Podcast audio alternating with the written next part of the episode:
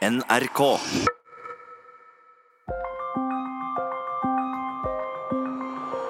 Jeg var i USA på skjærtorsdag, da politikere og kommentatorer endelig kunne kaste seg over rapporten til Robert Møller. Noen av dem mener Trump må stilles for riksrett. Andre at dette er verre enn Watergate. Men der jeg var på påskeferie, i Wisconsin, sa folk slike ting som dette. Are you happy with the president? Oh yeah, very much. He's done a, a very lot for us. When when Trump took office, that's when it all turned around. It's a very dangerous moment for our country, but yet I have to say that he has a path to re-election. He could get four more years. Vil Møller-rapporten faktisk hjelpe Trump til å bli sittende helt til 2024? Krig og fred med Tove Bjørgaas.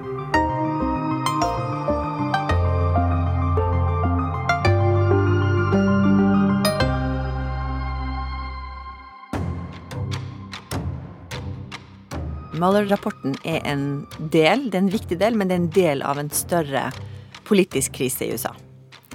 Eh, den krisa handler om at Russland faktisk intervenerte i eh, presidentvalget i USA i 2016.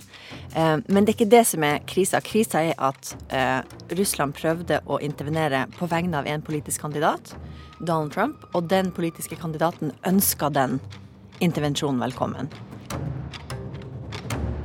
Jeg heter Hilde Restad. Jeg er førsteamanuensis på Bjørknes høgskole i internasjonale studier. Så spesialetterforsker Robert Mueller ble oppnevnt pga. denne krisa for å etterforske to ting. Eh, som reflekteres i rapportens to deler. Den første tingen var å finne ut av om det i forbindelse med Russlands intervensjon i valget har blitt begått lovbrudd. Og eh, volum to om etter at det her skjedde. Om Trump eh, sjøl og folkene rundt han har prøvd å forhindre etterforskninga inn i Russlands intervensjon.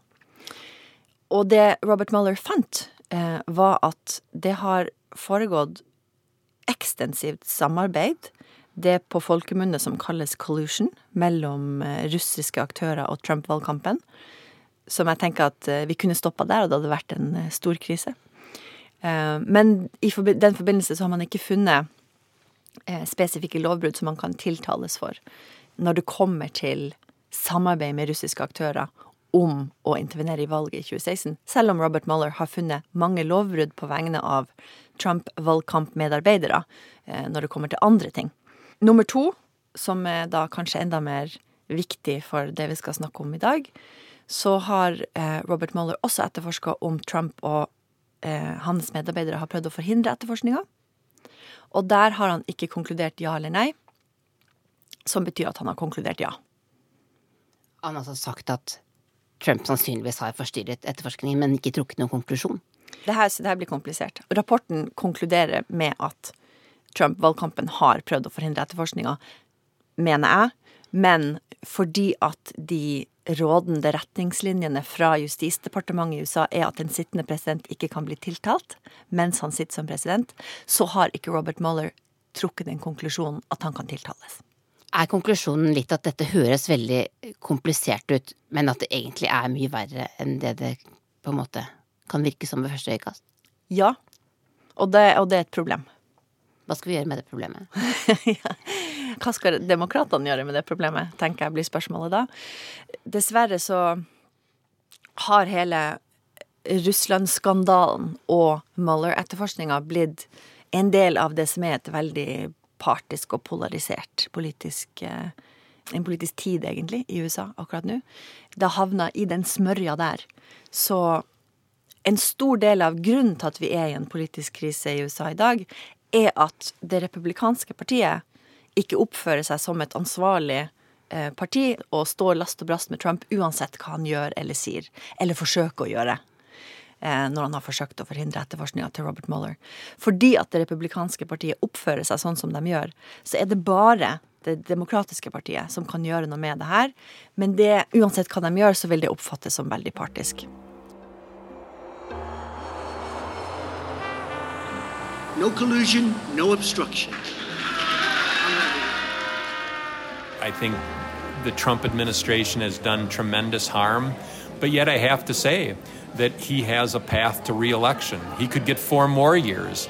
And, and Wisconsin could go to Trump again. The, the conditions are, are ripe for that out there. You can feel it, and you go and talk to people. I'm Mike McCabe, and uh, I was born and raised here in Wisconsin, was a candidate for governor of our state in 2018, and have spent much of my life uh, running groups that were aimed at trying to make our democracy healthier and challenge government corruption and and work on citizen engagement and and and community empowerment. Uh, and uh, you know, and there's never been a, a greater need for that kind of work than there is right now. This is uh, maybe the state that actually put Trump over the uh, over the top, so that he became uh, president. Everyone was shocked when Wisconsinites chose Trump. When you talk to, to, to people traveling around the state, do a lot of people say that they that they feel that they're better off now than before Trump became president?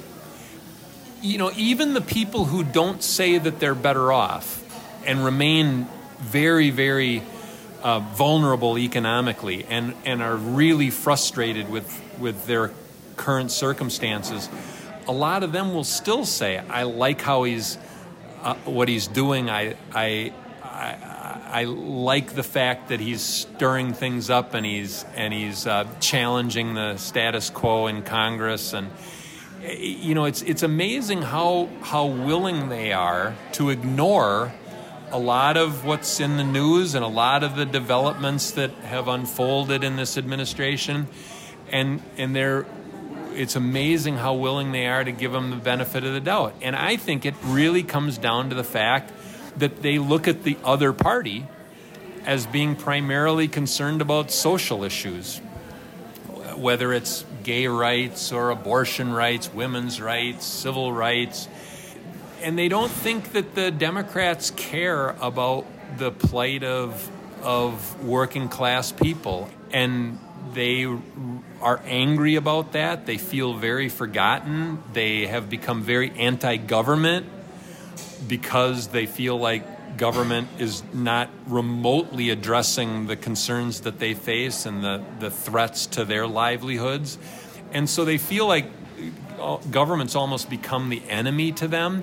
So they like the fact that Trump has is kind of given the appearance that he's trying to blow stuff up, that he's trying to that, he's trying to just create havoc within the government. Can you explain? It's a little bit hard for, for Scandinavians to understand why are people so angry at, at the government here in Wisconsin, for instance? Just to give you an example, um, my parents were dairy farmers.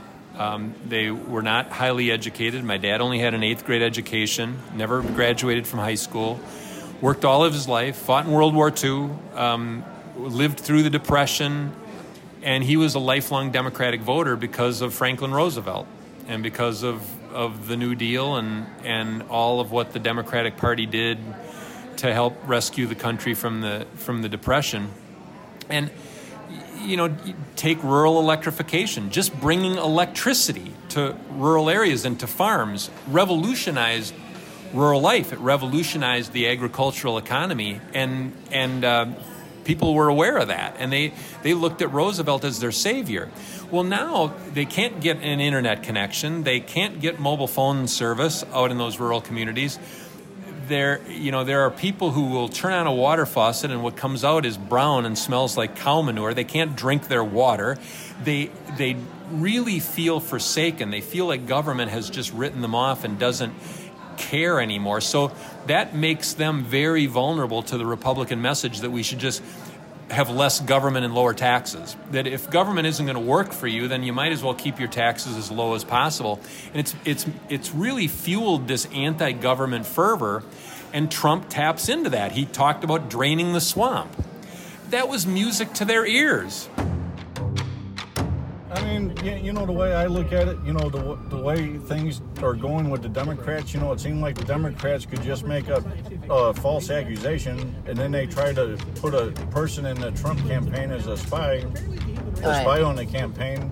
Well, then when it comes out that there is no collusion, there is no whatever. Well, then the Democrats are up in arms like, well, we want more information. We want this. We want that. Well, I'd like to have some of the Democrats be investigated. Right. You know, I think they're a bunch of crooks. Her er jo det som er den store debatten og dilemmaet for eh, demokratene nå.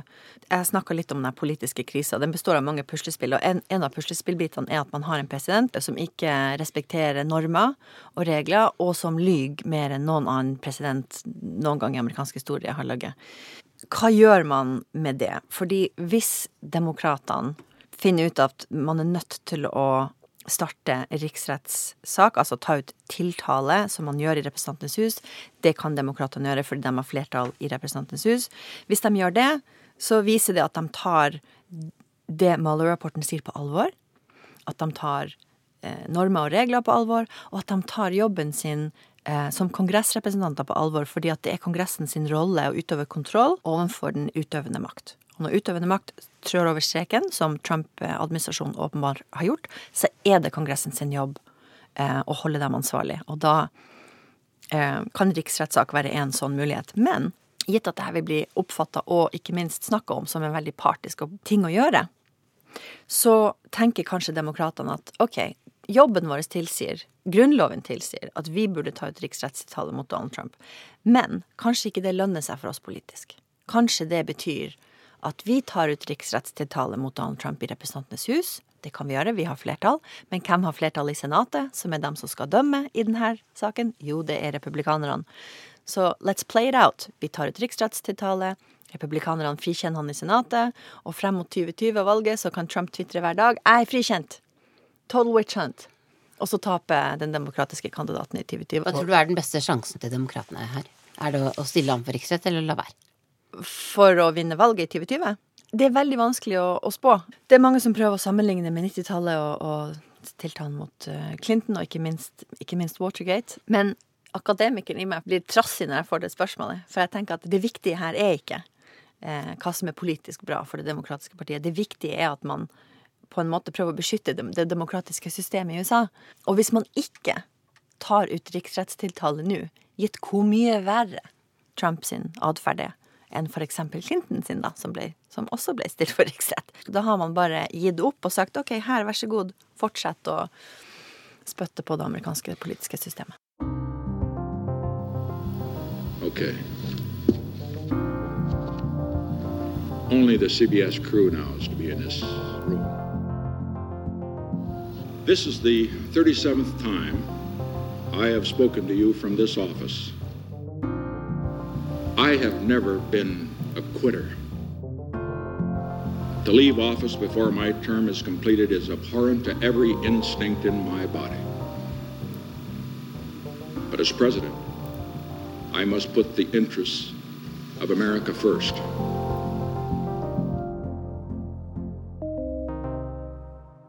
Det er to presidenter, begge fra det republikanske partiet.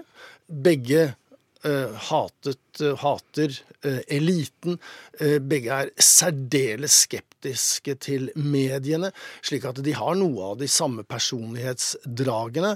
Men, men hvorvidt man da skal gå for dypt inn i disse parallellene, det er det vel tvil om, fordi at virkeligheten fortoner seg svært annerledes. Jeg heter Joar Ho Larsen er i prinsippet fremdeles ansatt i den avdelingen som lager disse programmene, men er faktisk da pensjonist. Jeg husker jo ikke Watergate i 1974, men, men det gjør du. Er dette verre enn Watergate? Jeg vil nok mene at Watergate var verre. Eh, for der kom initiativet fra en sittende president i Det hvite hus. Eh, slik at det var en eh, president som misbrukte presidentembetet. Richard Nixon måtte altså gå av. Eh, I denne sammenheng så er det en valgkamporganisasjon som har sett muligheter i et system som da et annet land har forsøkt å utnytte. Eh, men så kan man til syvende og sist si at disse to tingene, som for så vidt også da skjer i to helt forskjellige politiske tidsepoker, er såpass ille, begge to, at det er ikke spesielt fruktbart å begynne å rangere. Ingen av disse to tingene burde ha skjedd, verken i 72 eller i 2016, slik at eh, det som ble drevet frem av pressen i 72, er jo nå i større grad kommet av Müller-rapporten.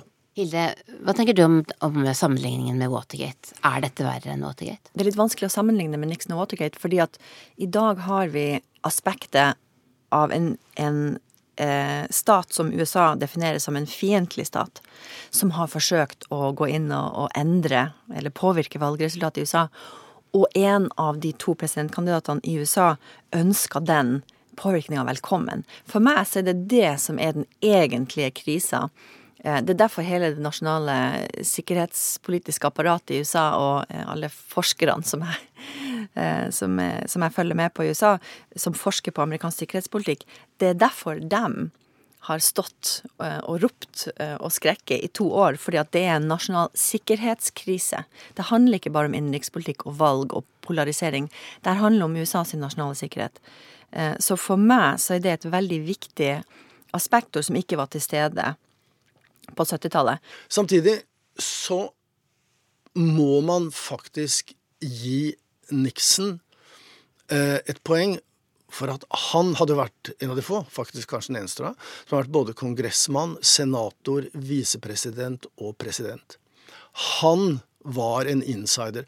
Han, uansett hva han gjorde, så respekterte han til syvende og sist regelverket. Han hadde respekt for systemet. Han prøvde riktignok å bryte alle reglene. altså Det er som en fotballspiller som tar ballen i hendene og løper. Men, men da, da, blir han avblåst, og han ble avblåst. Og han gikk faktisk da med på å trekke seg frivillig før han da ble avsatt av Kongressen. Riktignok på et så sent tidspunkt at det var helt åpenbart at han ikke ville overleve rent politisk. Men han hadde den Washington-kulturen faktisk i seg som gjorde at han til syvende og sist respekterte systemet. Der er jo Trump altså helt uten noe som helst eh, kultur. Han vant jo stort sett valget nærmest på at han skulle drain the swamp, at han skulle rive ned dette etablerte Eh, samarbeidet mellom forskjellige politiske grupperinger, og journalister og professorer og medier og lobbyister og sånt i Washington. slik at han har jo i og for seg velgerne i ryggen han, når, han, når han prøver å, å, å, røske opp i systemet. Slik at det, nok en gang likheter, men forskjeller. Og, men det der er en veldig viktig, den andre viktige forskjellen fra, fra 70-tallet. Den ene forskjellen er rollen Russland har spilt. Den andre forskjellen er rollen høyresida spiller, og det republikanske partiet. Fordi det var jo det republikanske partiet som sa til Nixon at nå må du nesten gå, for det her går ikke veien. Eh, I dag så spiller ikke det republikanske partiet den type ansvar, ansvarlige rollen. Istedenfor så har man et eget univers på høyresida, eh, inkludert Fox News og en, og en, del andre aktører, som lager en egen virkelighet eh, hvor man ikke trenger å forholde seg til spillereglene i den virkelige verden lenger. Du skriver en bok nå om det amerikanske politiske systemet. Trump sa faktisk eh, på skjærtorsdag at, eh, at han eh, han fikk en gave fra noen krigsveteraner. Well, really og sa at denne skal sette inn det ovale kontoret de neste seks årene. Jeg håper jo egentlig at det blir ti eller tolv år til, sa han. I was going to joke, General, and say at least for 10 or 14 years, but we would cause bedlam if I said Og så sa han at sånne vitser fikk han jo ikke lov til å fortelle. Er det noen det slags ingen, mulighet for at det, kan bli mer? Det er for at ingen som tror det er en vits.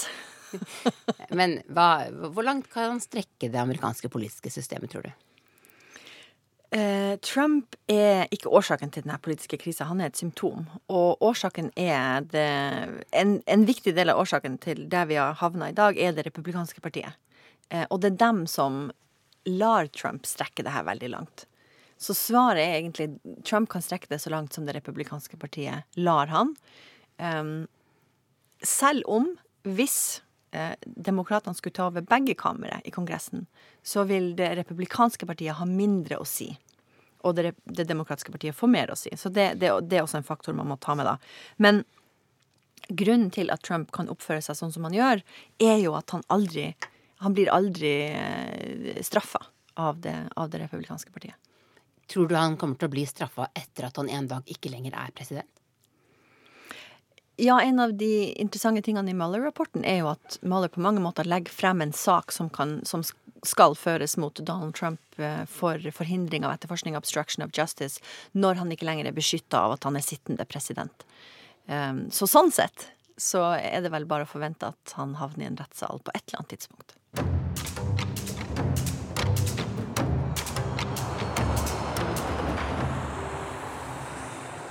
Before Trump there was eight years of, of Barack Obama, and, and this development just kind of continued. For instance, here in Wisconsin, where people are feeling more and more uh, left out. Uh, if you look into the future, say 25, 30 years, if this continues, what, what's, what's the country going to look like? And I think one of the things that people have to remember when they condemn rural working class people for voting against their own interests by electing Trump, people need to remember that rural counties voted for Barack Obama twice. Rural counties in Wisconsin were instrumental in putting Barack Obama in the White House. They felt like they were voting for hope and for change, for somebody who would shake up Washington and maybe get government working on behalf of working people again. And then they felt after eight years that they hadn't seen much progress, and so they took a flyer on, on Trump. They figured, Let, let's give him a try. And, and he talked about draining the swamp in Washington, D.C. That was music to their ears. He talked about about slapping tariffs on foreign products and, and bringing back all those lost manufacturing jobs. And, and I think when, when reality sets in and they realize those jobs aren't coming back, then the question is do we turn toward a positive alternative, a positive vision of what this country could be? Or do we devolve toward fascism? And I have not seen a moment in my lifetime, and I'm 58 years old, when America is closer to the brink of fascism than it is now. How far could he could he take it? I mean, the, the system would stop him from being, becoming a dictator, for instance, right? You, you know, I I would have five or ten years ago said said that the Constitution of our country and the political institutions and the traditions of our country were too strong and too enduring, I don't think that's any longer a given. I, I think it's possible that even democratic elections could could be could be uprooted. Um, those democratic traditions and institutions could collapse. I remain optimistic that particularly younger generations are showing signs of wanting to sort of recreate the social fabric, the social contract that we had. Um, I, I, think they they will pull our politics back towards sanity, but we can't take anything for granted. And I, I think people on the left don't think it's possible. It's not imaginable that Trump could be reelected. And I keep telling them there is a path to his reelection. Du har hørt podkasten Krig og fred fra NRK Urix.